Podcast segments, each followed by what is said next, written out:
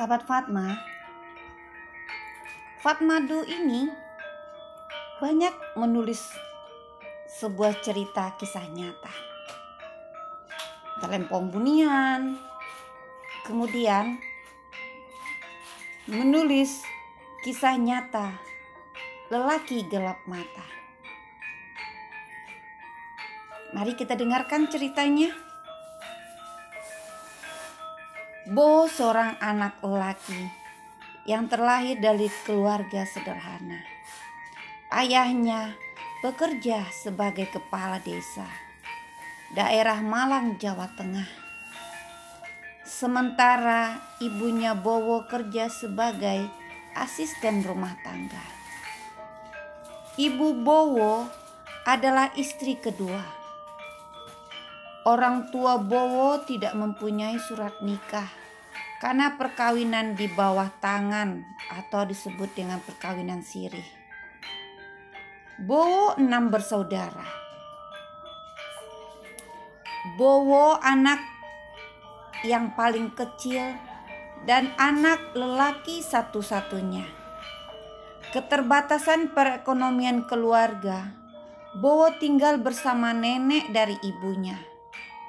Bowo sering dimanja, walau perekonomian sang nenek juga minim. Bowo disekolahkan neneknya hanya sampai sekolah dasar.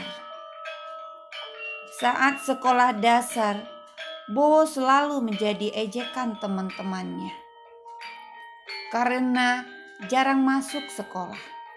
Kondisi fisik tubuh Bowo pendek dan gemuk. Bowo jarang masuk sekolah.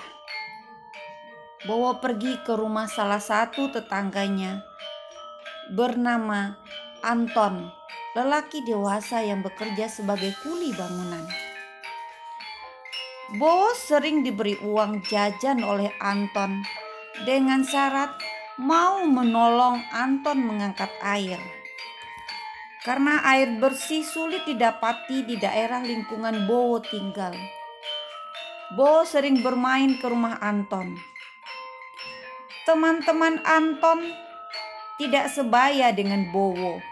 Mereka semua sudah dewasa Pembicaraan teman-teman Anton sering didengar oleh Bowo yang seharusnya Bowo tidak perlu mendengar. Zaki adalah teman Anton yang paling sering tidur di rumah Anton. Zaki memperhatikan Bowo. Zaki bertanya kepada Anton, "Sebenarnya Bowo ini siapa, Anton?" Anton menjawab pertanyaan Zaki. "Bowo adalah anak tetangga dia memang sering main di rumahku. Karena keterbatasan ekonomi neneknya, aku kasihan melihatnya. Aku sering minta tolong kepada Bowo untuk membersihkan rumah, mengambil air bersih. Aku beri dia uang jajan setiap dia bantu aku. Akibat sering berkumpul dengan orang dewasa, Pertumbuhan Bowo juga cepat dewasa sebelum usianya. Bowo sudah mengenal rokok, minuman keras, dan mencoba narkoba, yaitu sabu. Bowo juga minta kepada Anton untuk dibawa bekerja sebagai tukang bangunan. Atau yang kita sebut dengan kuli bangunan.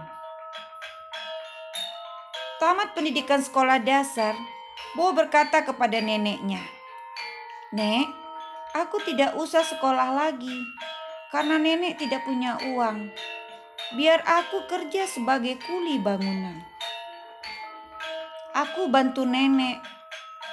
Nenek Bowo diam saja.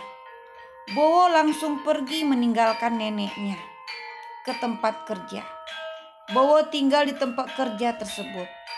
Inilah awal hancurnya kehidupan Bowo.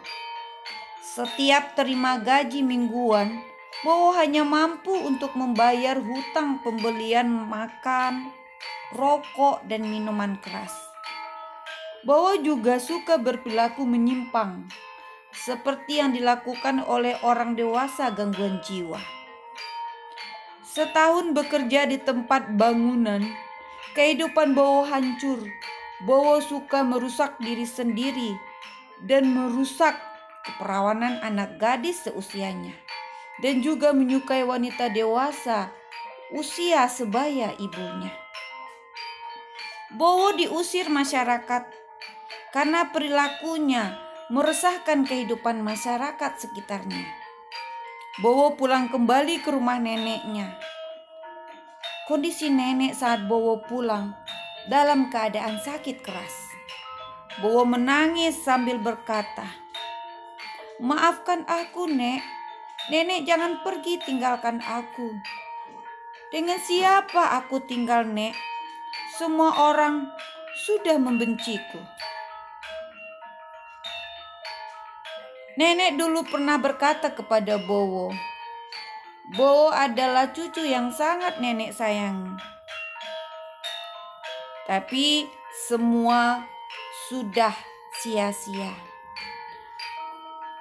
Bowo kembali dengan luka karena banyak perbuatan yang belum saatnya dia lakukan dengan usia dia saat ini. Itulah sahabat Fatma. Jadi di sini pesannya disampaikan oleh Fatma adalah